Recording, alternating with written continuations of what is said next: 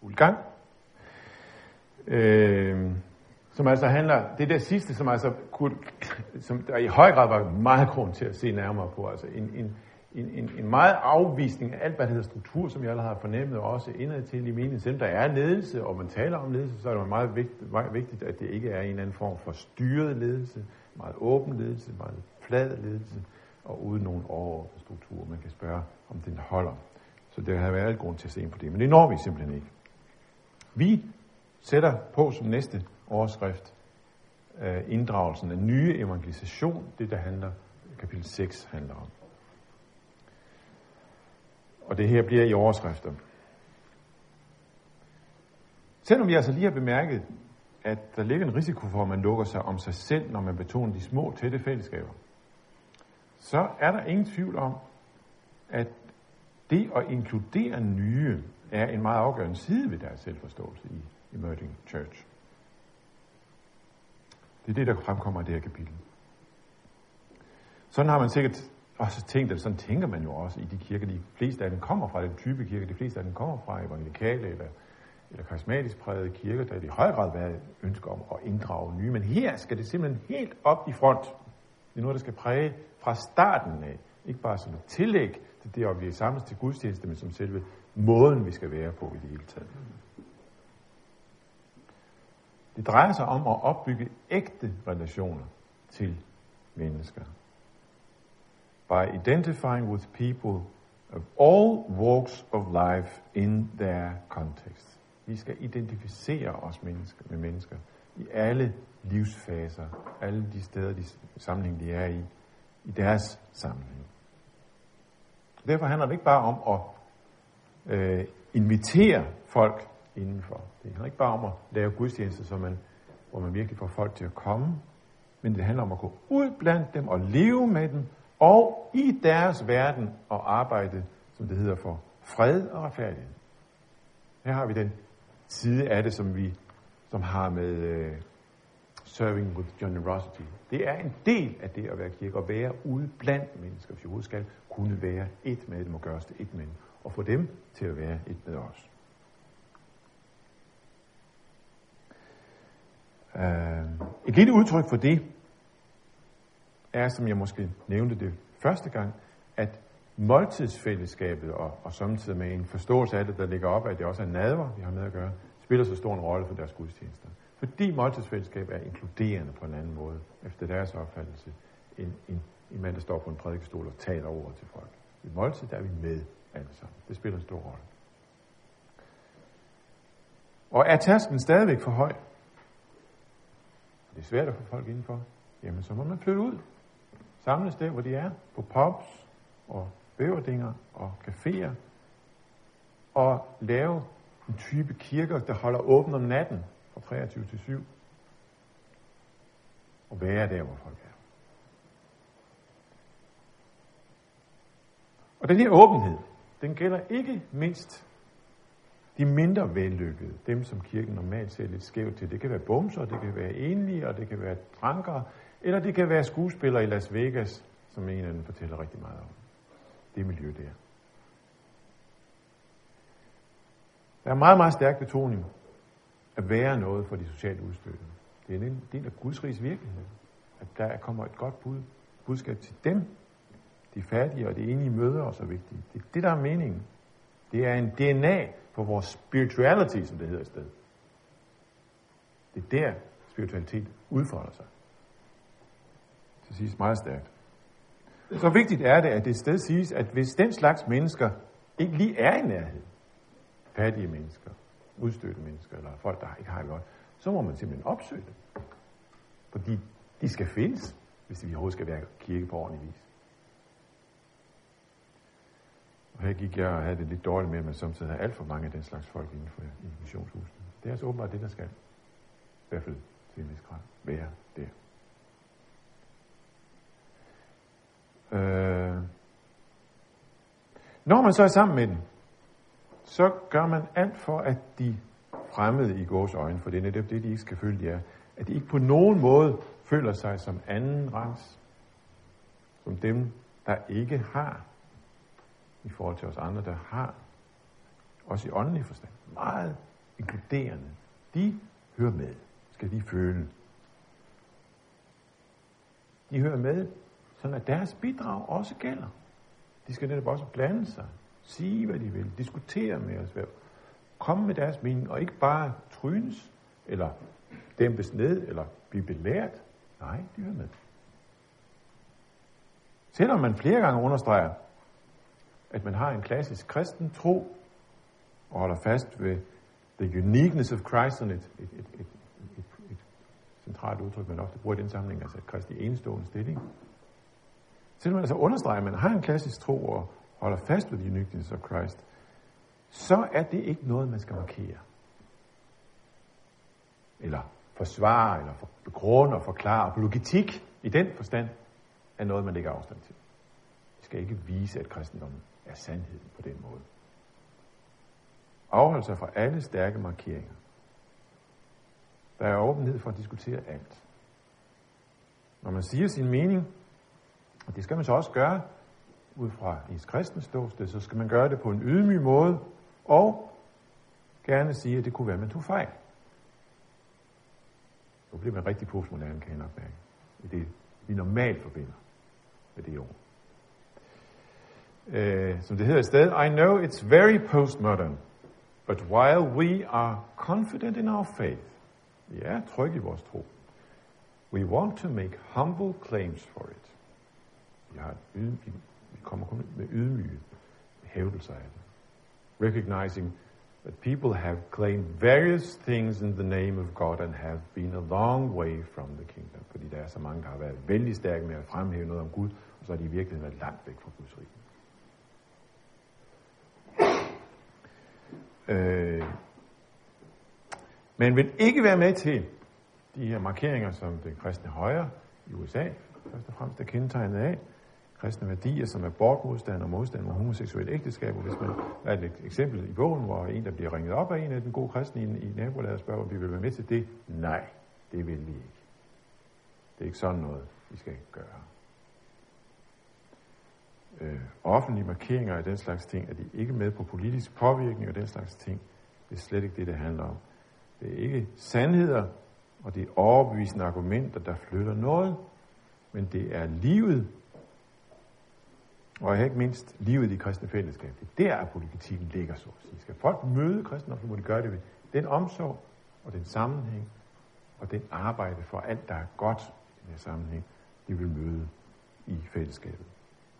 Fællesskabet er selv den vigtigste apologetiske faktor, siges det igen og igen. Ikke argumenterne, men fællesskabet.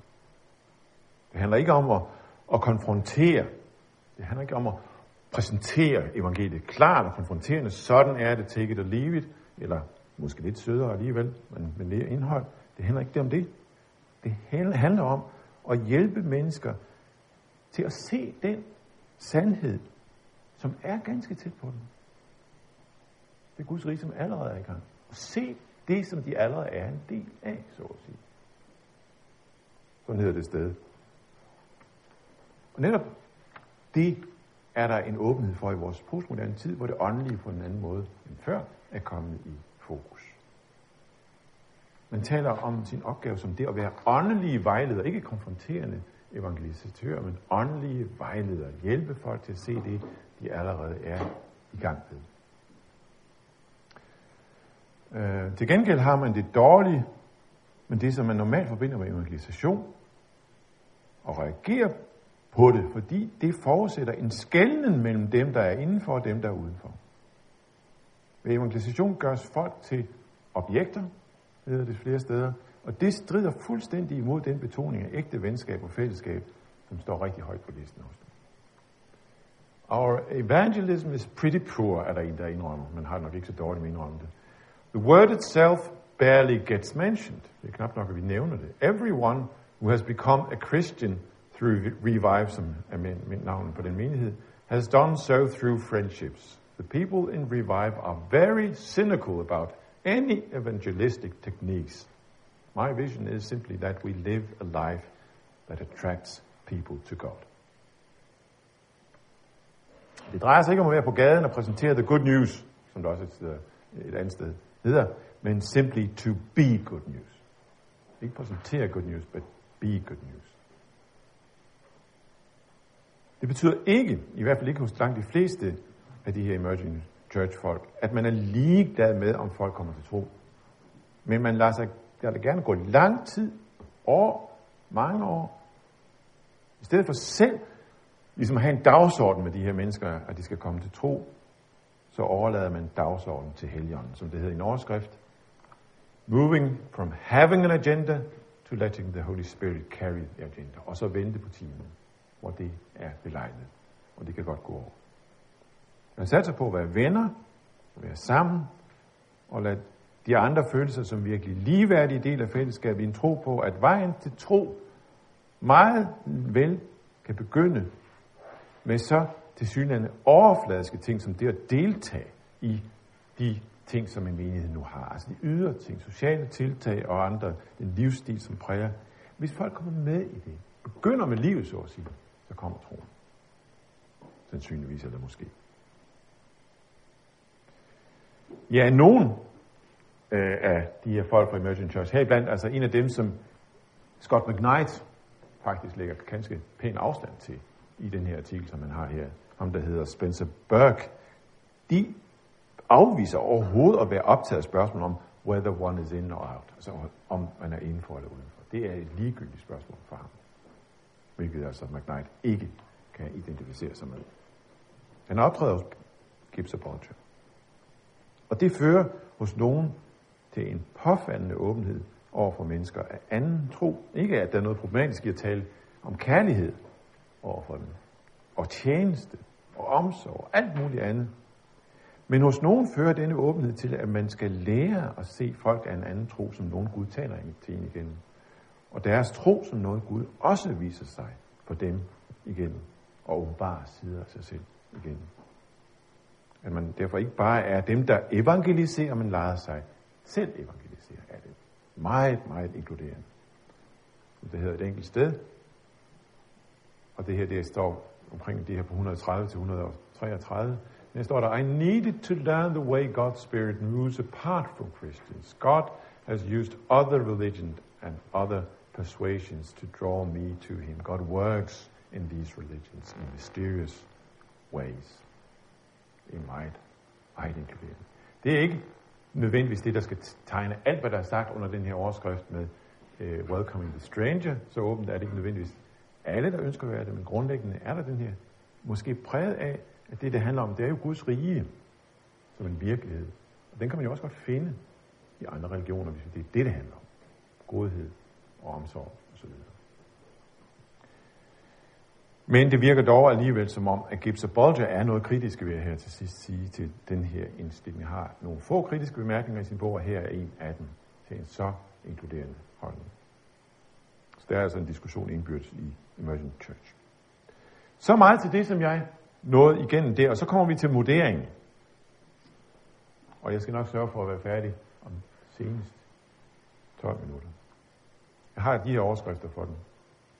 Og derfor så kommer jeg måske til at køre lidt hurtigt igennem, så kan vi jo gå ind i snakken om det bagefter. Øh, først den personale forståelse af kirken. Vurderingen af det, som vi startede ud med den der forståelse af kirken, ikke som institution, men som, som et folk, en personal forståelse af kirken. Og som jeg har antydet, så synes jeg, at der er rigtig meget godt i den her personale forståelse. Noget, som vi i høj grad har noget at lære af. Øh, men som jeg også har antydet, så er der, må man sige, at vi fra Luthers hold, der er der nogle ting, som vi altså gerne vil have med her. Ligesom anglikanerne.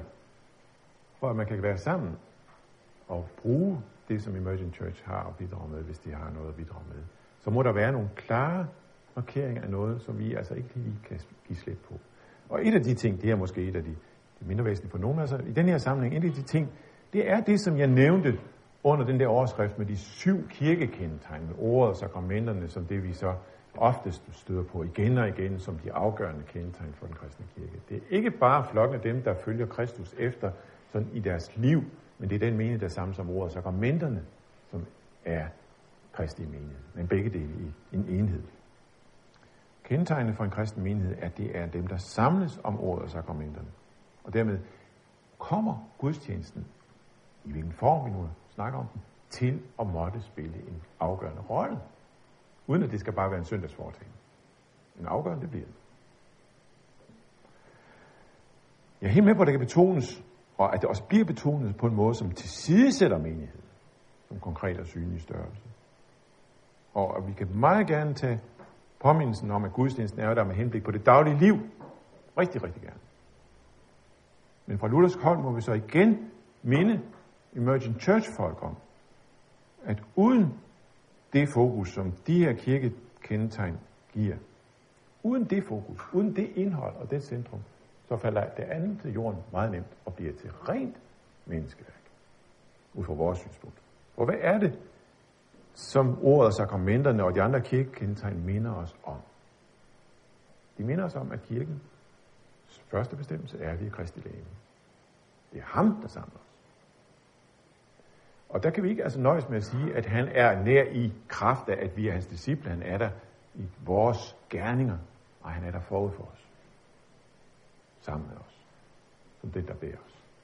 Og hvis ikke det er det, der er det bærende i enhver kirke, så går det galt. Også fordi, at det er det, der sikrer, at nåden er det, der bærer alt andet. Kun hvis han er der forud for os. Hans gerning er det, der bærer alt vores gerning. Er der, er der noget i sådan en kirke. Ellers bliver gerning det hele. Efterfølges det hele. Uden noget. Så får vi munke, det er ganske rigtigt. Men så er der altså en form for munke, som ikke har så meget med kristendom at gøre. For at sige det lidt bedst. Det handler ikke om, at vi skal sørge for at have den kedeligste mulige gudstjeneste, den kedeligste mulige lutherske gudstjeneste med de længst mulige læsninger og ritualer og alt muligt af den slags ting. Nej, ikke det, det handler om. Det handler ikke om ritualismen, det handler om en dybde dimension på menigheden. At menigheden er Kristi lægeme, båret af hans nærvær. Formen kan vi til enhver tid snakke om, men den sag, den må vi ikke miste. Og det må alle jer, der tænker de her baner, være med til at fastholde og udvikle i de sammenhænge og den måde, I nu vil gøre det på. Det var det første, betoningen af den personale forståelse af kirken. Det andet punkt, som vi tog op, det var jo betoningen af det der med fællesskabet. En enormt stærk betoning af menighedsfællesskabet, som vi så som kendetegner. Og hvor jeg synes, der var noget rigtig godt og velgørende i rigtig meget af det. Øh, det er for mig at sige noget helt rigtigt, og at man afviser kirken som et sted, man kommer i et par timer om ugen, og den her reaktion mod den manglende sammenhæng mellem det åndelige og det daglige osv. Er, er fuldstændig rigtig. Det er både overraskende og glædeligt, at man taler så meget om et fællesskab, der ikke bare har noget med følelser at gøre, men med forpligtethed og med ansvar og med udholdenhed. Så kan vi lære noget rigtig meget. Jeg siger ikke bare, at I kan lære noget, jeg siger, at jeg selv kan lære noget af det her. Selvom det der med det fællesskabsfølelsen ikke skal afvises, så ligger der i Emergent Church et bemærkelsesværdigt opgør med den forbrugerorienterede indstilling, når det gælder menighedsliv, hvor det bliver opfyldelse af ens egne behov, der bliver det afgørende kriterium for, hvor man slutter sig til. Et rigtig skarpt opgør med hele den tankegang. Og den skal vi hilse velkommen. Og i hele taget betoningen af tjenesten som en tjeneste for andre. Og nådegaverne som noget, der fungerer ud i det daglige liv. Ikke først og fremmest indad til, så vi får det rigtig fedt sammen men udad til. Der er rigtig meget godt der. Jeg mener også, at vi måske skulle lære lidt af den her tanke om menigheden som et, også et arbejdsfællesskab. Det er lidt fremmed for os. Det er ikke sådan, vi i hvert fald i normalt folke, i sovnekirkelige sammenhæng tænker på det. KFS, der tænker vi i høj grad på det som et og lignende sammenhæng. Det er jeg helt med på. Og der er også noget, vi skulle, vi skulle lære noget af. I, I vores sammenhæng, der tænker vi nok først og fremmest på tjenesten, som det den enkelte står i i sit daglige liv, i sit kald og stand, som vi plejer at sige i en luthersk sammenhæng. Der er det, vi skal tjene. Og det er der faktisk også nogle udsagn om her øh, hos Gibbs og Bolger, der viser i retning af. Det gør de også. Men der er jo samtidig en meget stærk betoning, at vi som menighed er et udgørt arbejdsfællesskab med nogle konkrete tiltag, hvor vi aflyser en gudstjeneste i nogle måneder eller i nogle uger, for nu skal der gøres noget. Det er virkelig sådan en konkret arbejdsfællesskab, det handler om i radikal forstand. Og der kan der måske alligevel ligge en fare for, at man mister synet for livet i kalderstand. At det bliver så meget munkeagtigt, som det jo rent faktisk også er i katolsk, øh, sådan er det i hvert fald i Luthers beskyldning mod den katolske forståelse, at man kommer til at se ned på det daglige, fordi der er noget, der er finere, og det er nemlig det, som vi gør sammen som brødre og søstre, og ikke det, der foregår i familien, overfor vores børn eller forældre, eller hvem det måtte være. Nej, der siger vi lutherske, nej, det er i det daglige, det er netop i det daglige, som har med kanderstand at gøre, at den tjeneste skal finde sted. Øh, så kan arbejdsfællesskabet være godt at have med som et aspekt ved det at være kirke, fordi, ikke fordi det er der, at Guds rige sker, for det sker i det daglige, men fordi det kan minde os om noget, vi ellers nemt glemmer. Ved at vi går ud sammen, og vi laver et konkret tiltag, så bliver vi mindet om en side af det at være kristen, som vi ellers måske glemmer. Som sådan kan det være rigtig godt. Og så endelig til sidst, den åbne holdning over for fremmede. Jamen, der er jo ingen tvivl om, at der her er ting, som, øh, som giver anledning til diskussion. Den noget negative holdning til evangelisation osv., det er faktisk et af de punkter, eller det punkt, ud over den afstandtagen, som øh, Scott McKnight har til, det ham, jeg nævnte før, så har han en kritik, en, en tydelig kritik indad til, lige præcis på det her punkt, hvor han sådan formanende siger, det her må ikke glemmes det med evangelisationer. Så han har også tydeligvis den fornemmelse, at her kan det gå galt. Der er der grund til at spørge nogen, rette nogle spørgsmål, det er rigtigt. Og endnu mere gælder det jo det, som vi var inde på til allersidst i det afsnit, nemlig det meget inkluderende syn på folk af en anden tro. Som nogen inden for Emergent Church har, og som jo har noget at gøre med den gudsrigs forståelse, som vi har været inde på, hvor det er altså lige så meget af det, der gøres, som det er troen på Kristus, der bliver centralt. Der er efter min mening al grund til, at Emergent Church sympatisører tænker sig godt og grundigt om her. Og så igen, typisk mig, så skal vi lige sige noget godt. Fordi dermed var ikke sagt, at vi med en mere traditionel evangelikal forståelse ikke også kan lære noget her. I reaktionen mod den alt for planlagte og effektive evangelisation med anvendelse af kalkyler og metoder osv. Den reaktion kan jeg godt forstå et stykke vej. Her er der for mig nogle udmærkede advarsler mod at gøre folk til objekter. Og gode råd om at vente på Guds time.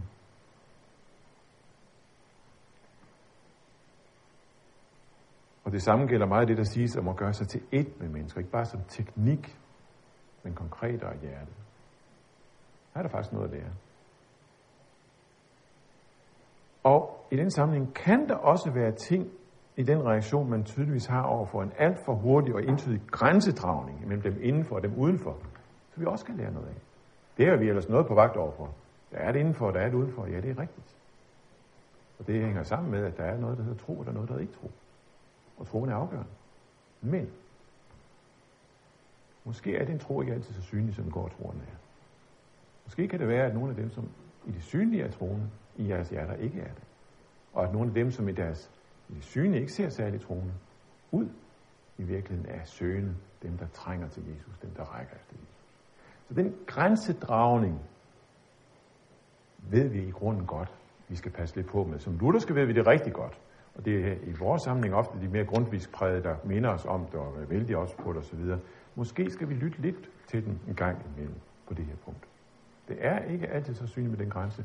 Og derfor er der en tålmodighed og en ydmyghed i omgang med andre mennesker, som man i høj grad kan lære noget af. Uden at gøre for, uden at vi altså, øh, forsvinder ud i at være helt utydelige om, hvad troens indhold er. Vi kender det fra alfakurser, og den måde, man gør det på der, hvordan man taler sammen der. Jeg mener, at det er en god måde at tale sammen på. Men fornægter ikke, hvem man er, men er meget lydhør, når man er sammen med andre. Øh, jeg tror, det er nogle påmindelser, vi kan tage til os, som øh, i høj grad lærer os at se på hinanden som nogen, der hører sammen, som sønder, der har brug for Kristus, hvor det at have ansigtet og hjertet vendt mod Kristus på vej hen mod ham er vigtigere end spørgsmålet om, hvor vi lige befinder os på vejen hen mod ham. For det er ham, alt kommer ind på. Det er jo enormt kort at skulle sige noget om ting, der er så enormt vigtige som det her. Men det var bare et forsøg på nogle korte markeringer omkring noget af det her. Så er ordet ellers frit. Hvis I lige vil have en minuts pause, så kan vi lige gøre det. Og så lukker vi lige her op, og så hører vi, hvad folk eventuelt måtte mene. Ja, Johannes. Jamen, det var lige med det der, hvor du, snakker om øh, fællesskabet, som var meget vigtigt også i forbindelse med øh, øh, altså organisationer, som man ikke øh, er konfronterende. Ja. Hvad var det så, du snakkede om, for, jeg kan huske det første gang, sidste gang, med hensyn til det der med, at at man, man gik meget på. Ja, det er rigtigt. Øh, det synes jeg bare lige, det, det, Ja. var, det være en modsætning. Mm. Godt, det er rigtig godt. Det har jeg ikke tænkt på lige, men det er rigtigt. Altså det, man går på med, det som man der i den sammenhæng gjorde meget ud af at godt gøre tydeligt, det var i og for sig ikke og sige, er du indenfor eller er du udenfor. Men det var, det man, det man ønskede, altså man brugte for eksempel bjergprædiken, og sige, hvad vil det sige at høre med i vores sammenhæng i den her kirke? Vi lever som disciple her. Vil du være med i det her liv? Øh, du er måske allerede med, og, og, og du hører med, og vi vil gerne have dig med, og så videre. Det handler ikke om, at du skal være så så tydelig en af vores, men vil du være med? Men det skal være tydeligt, hvad de er med til. På den måde skal det være ikke konfronterende, men tydeligt. Og reglerne for det, betingelserne for det, skal i og for sig være ret klare. Det er rigtigt, men alligevel så, så er man inkluderende og siger, at alle skal kunne være med. Så, så det er en, ja, godt set. Jeg ved ikke lige, om man kan løse den der knude. Men måske kan det løses en lille smule ved at være opmærksom på, at det, man er tydelig omkring, lige så meget er øh, det, som de opfatter som de betoner i efterfølgelsen af Jesus. Det er ikke så meget de etiske, tydelige ting, som det er kærlighed og tjeneste. Tilgivelse og tjeneste. Så, så altså, det du mener, ja, forstår det rigtigt, at, at de, øhm, at de ikke er, det, det er ikke sådan dogmatisk, øh, altså du ikke forstår det. Nej. Det, det er ordentligt, du ikke forstår det. Ja. Men du skal spørge. Ja, du skal gøre, og det du skal gøre, det er så, det er som bjergprædiken siger, det, det, det er vores livsstil, og, og, og hvad siger du til det, vil du være med på det, ikke også? Det er noget sjovt. Ja, det er virkelig sjovt, ja. Ja, så. Han, det handler jo også om, øh, det er ikke for at gå ud og fordømme folk og sige, prøv at høre, du lever ikke for de her ting. Fordi det, du er i det er bare fint, og det vil jeg enormt gerne høre om, og det lyder skønt og godt og alt muligt andet. Men det, som vi tænker her, altså det, det som jeg lever af, det som, som vores menighed arbejder ud fra, det er de her ret hårde, øh, konsekvenser. øh, ja, øh, tanker og. Hvor du så altså med mene, at, at, at de. Det pålægger andre. Nej. Altså, man, man sidder ikke, og øh, hvis man sidder til en fest, så sidder man ikke og pålægger folk, du skal ikke drikke, og du skal ikke seng med andre. Altså, Nej, det er ikke dem, der er smidt i hovedet på andre fordømmelser. nej. Men når, men når det kommer til at være med i fællesskabet, nej, jeg kan, sådan, ah, ej, det er nej, det er det, ikke Men der er nogle steder hos Gipsy hvor man godt fornemmer, at de i virkeligheden alligevel opererer med øh, en indercirkel og så en, en, en periferi. Hvor, hvor inkluderende de, de, de er og ønsker at være, og vi skal ikke jage folk væk, vi skal være lyttende og ikke trumle dem eller noget som helst, så er der alligevel nogen, som er i indercirklen. Så det er altså, måske er det sådan, at de prøver på at få det til at fungere, at vi er tydelige som fællesskab. Der er nogle retningslinjer, vi lever efter. Men det er ikke noget, vi skilter med på den måde over for de helt nye. Det er noget, de hører og møder, når de nu så siger, nu vil vi virkelig være med i, i det her fællesskab. Der er sådan flere trin i det måske. Måske lidt ligesom som munker og nonner, ikke også på altid har, har eller den gode katolske skik omkring det har jo ikke været, at munkene, de var helt udelukket fra de andre. Nej, de var der for de andre. Men samtidig så er det jo ikke en hemmelighed, at det er så hårdt, at nede til der pointen. Ja, De præsenterer ikke sådan en når Nej. det, de har imod. ja, Så det er, det er slet ikke en hemmelighed fra starten, hvad Nej. det virkelig handler om. nej. Så det er måske, hvor meget man skal tage del i det, eller Ja, ja, ja. Ja. Jeg synes nok, det er, der er virkelig sådan en tricky point, at det er godt set. Og, Ja.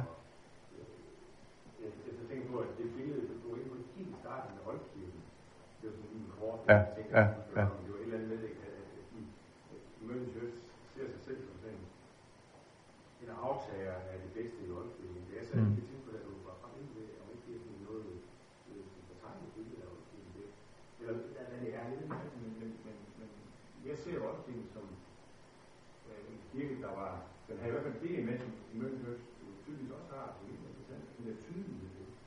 Men den havde det jo også på en måde, så, så, så gærerne var virkelig høje for, for at komme, Ja. for at komme ind i kalkunatet og komme videre Mm. til justeringer til sakramentet. Mm. Der var nogle træffer, der skulle gå op af. Mm.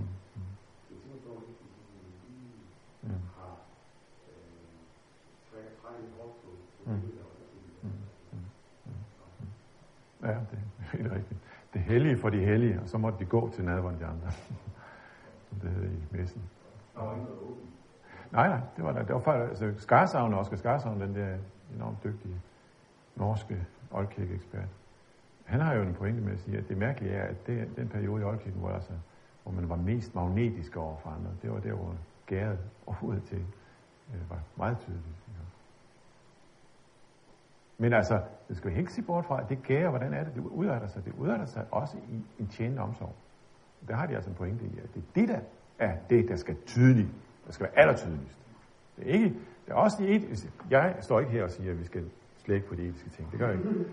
Uh, men vi kan godt blive tage en påmindelse om, at hvad er det lige præcis, der skal være tydeligst i den her sammenhæng. Det synes jeg godt, vi kan lære noget af. Ja. Har du en finger op, Søren, eller? Sådan Lisa? Øh, ja. Lidt. Jamen det er også lidt til det der med, med, med funktion og metoden i kirken som et fællesskab, at efter du havde fortalt om hende der, som sad og sagde, at du lige være i kirke, Ja. så, så, så sagde du, om, om ikke vi kom til at mangle det der kirke Mm. Mm. Mm.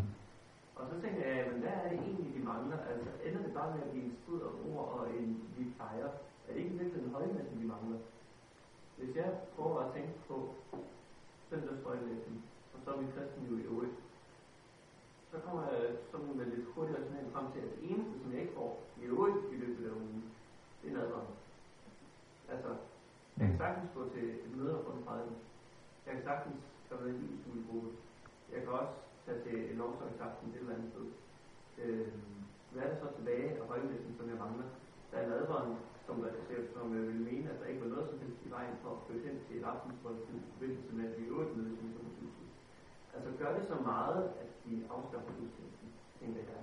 Hvis de øvrigt sørger for at samles som enighed på nogle andre tidspunkter. Ja, men det er, netop, det er også det håber, sidste. det- Det, det, ja, men det kan vi altid diskutere det første, altså hvad, skal højmessen betyde i den her sammenhæng.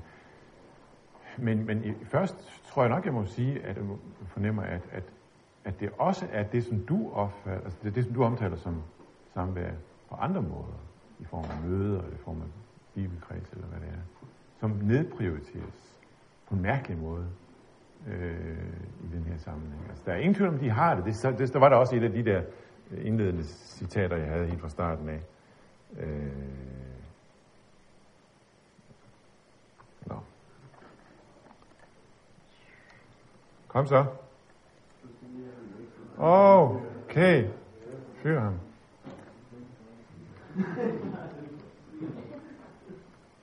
Ja.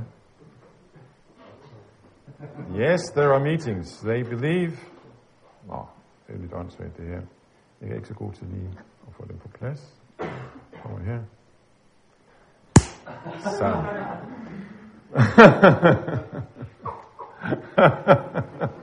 Nu jeg ellers lige brilleret og for Henrik og sidder og griner af mig. Det var så godt. øh, der, var, der, der, var, der, der var det der citat fra starten af, øh, hvor, der, der, hvor det blev sagt, det ikke møder det hele. Der er selvfølgelig møder, de, må, de flyder ud af det, så der er selvfølgelig en sådan, en, en, de, de har det sammen, men der er flere vidnesbyrd om, at de beslutter sig for, okay, i den her uge, eller i den her måned, eller den her to måneder, så dropper vi alt, hvad der har med den slags at gøre. Okay, så er det et problem. Jeg tænkte bare, Ja. at kun var gudstjenesten, du var efter. Det Nej. ja, den er, så lad droppe den. Altså det med gudstjenesten, det har de vist droppet for længe siden, tror jeg. Så, så, så det er også sådan nogle ting her. Og så siger de om det her, det som det handler om, når vi nu er sammen, det er at være, Det, det skal bruges til, det er at holde os på sporet i det daglige. Det skal være sammen om bjergprædiken og sådan nogle ting der. Og så måltidsfællesskab som en, en del af, af det inkluderende i det. Altså, det er lidt forskellige signaler i forskellige retninger her, men der er ingen tvivl om, at der er en nedprioritering i det hele taget af det at være sammen som menighed. Men, og det skal vi så komme ind på næste gang, så er der til gengæld, ser det ud til, en, en, en forsøg på at undervise i åndelig disciplin for den enkelte. Med bøns meget fast, bøns mønster, bøns liv. Det skal altså også med. Så det er ikke sådan, at man det åndelige er ude af det, men det åndelige skal være enormt tæt på det daglige liv, og der betyder, skal vi sige, menigheden som fællesskabs gudstjeneste med Guds øjne, altså mindre, mens den enkeltes bønsliv, er, hvad er det nu måtte være, øh, til gengæld spiller en rigtig stor rolle. Og, og det er jo vældig godt, ikke også? Men er der ikke en gudgiven bibelsk mønster, som siger et eller andet med, Seks dage om ugen skal jeg arbejde, den syvende dag skal jeg holde hvile. Syvende dag er Guds, skal minde om noget. Netop det transcendente, ud af hverdagen. Hele den der adskillelse, eller ikke adskillelse, men altså skælden imellem det hellige og det søjne. Fordi det hellige ellers bliver fuldstændig opslugt af det søjne.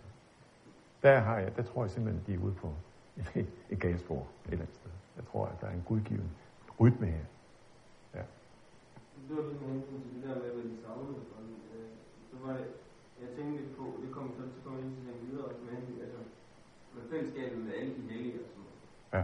Altså, hvor hele er sammen. Altså. Ja. Så er det, det, det, det spørgsmål går på, hvad er det så i deres tankegang? Og tænker også på sådan noget som for eksempel børn og sådan noget. Altså, hvad har man, hvor, hvor er de henne i det her? Altså, Ja, ja. Det er noget, vi kommer til det ikke. Nej, det ved jeg ikke, om vi gør. Fordi det synes jeg netop ikke, jeg har læst så meget om. Altså. Men det er måske også for meget for langt, at de også skal forholde sig til, om vi skal have børn til gudstjeneste og sådan noget. Øh, men altså, de, de vil, næste gang kommer vi ind på altså, til at tale om gudstjeneste. Det viser, at de har gudstjeneste, og, og det er i små, nære sammenhænge, og det kan man godt forestille sig. Jamen netop der kan man have børnene med. Og, vi er, og, og den der afslappede stil, det handler ikke om, at vi skal til en eller anden øh, fed øh, lovsangsgudstjeneste med performance og det hele, folk der kan deres grej og så videre, hvor det som kun er for en gruppe. Nej, det er egentlig ret bredt. Det skal være helt nede på jorden, og netop der kan børn være med. Så i grunden tror jeg, at de tænker meget holistisk også på den måde. Øh, kunne jeg gætte mig til i hvert fald, uden at det faktisk omtales. Ja, Henrik? Der er rigtig mange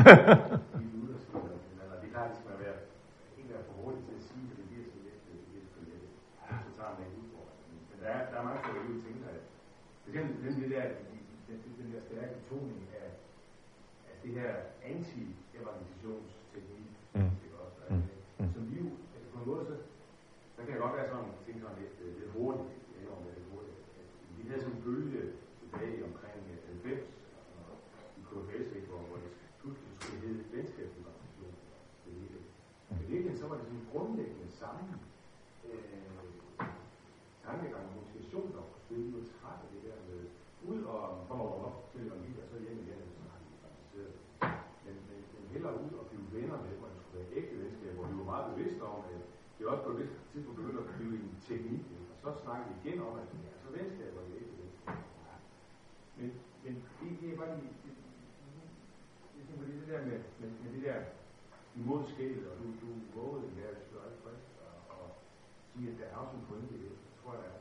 Men vi kan ikke være med at tænke på, at jeg, jeg, jeg føler, nu er jeg blevet forkert, at, at lige præcis der omkring et sted, er vi rigtig mange øh, i dag øh, fra de klassiske levelsessammenhænge, og sådan noget, som, øh, som, som egentlig har det ret godt med, at, øh, at nu skal vi altså have underbetonet det skælvægning. Det holder ud, vi med det. Det jeg tænker, det er ikke det, vi har mest brug for at høre i.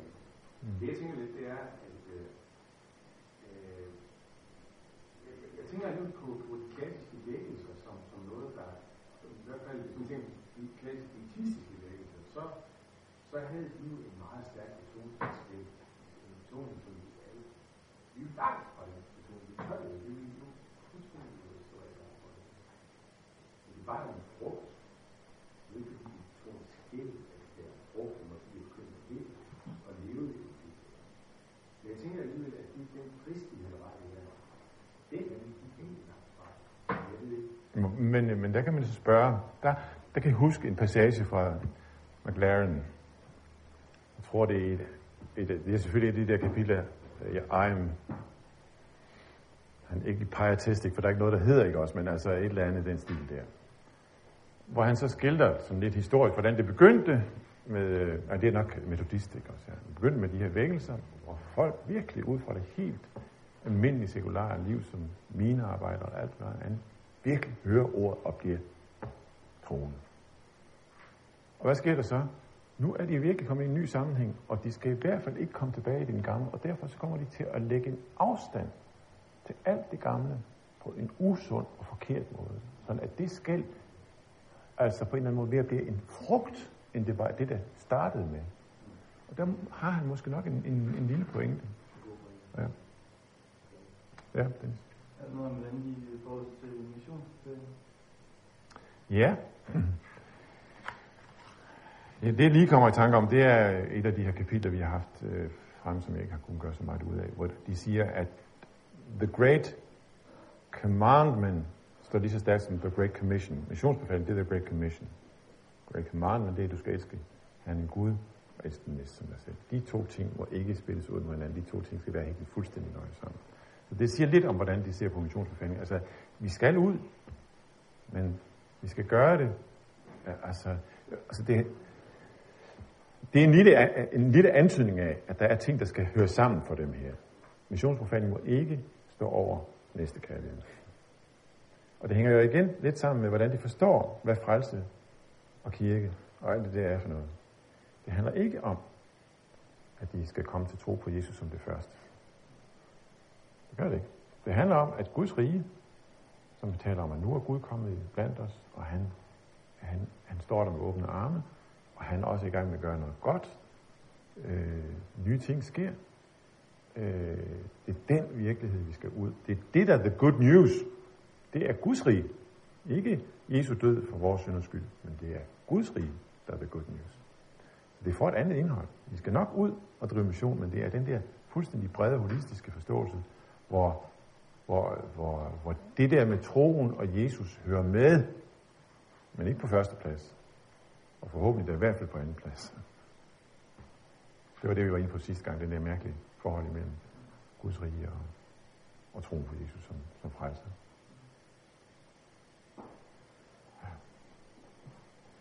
Ja. Så tror jeg, vi holder. Og samles så næste gang om, om gudstjenesten, som jeg allerede har taget hul på i dag. Og ser på, hvad de siger om det.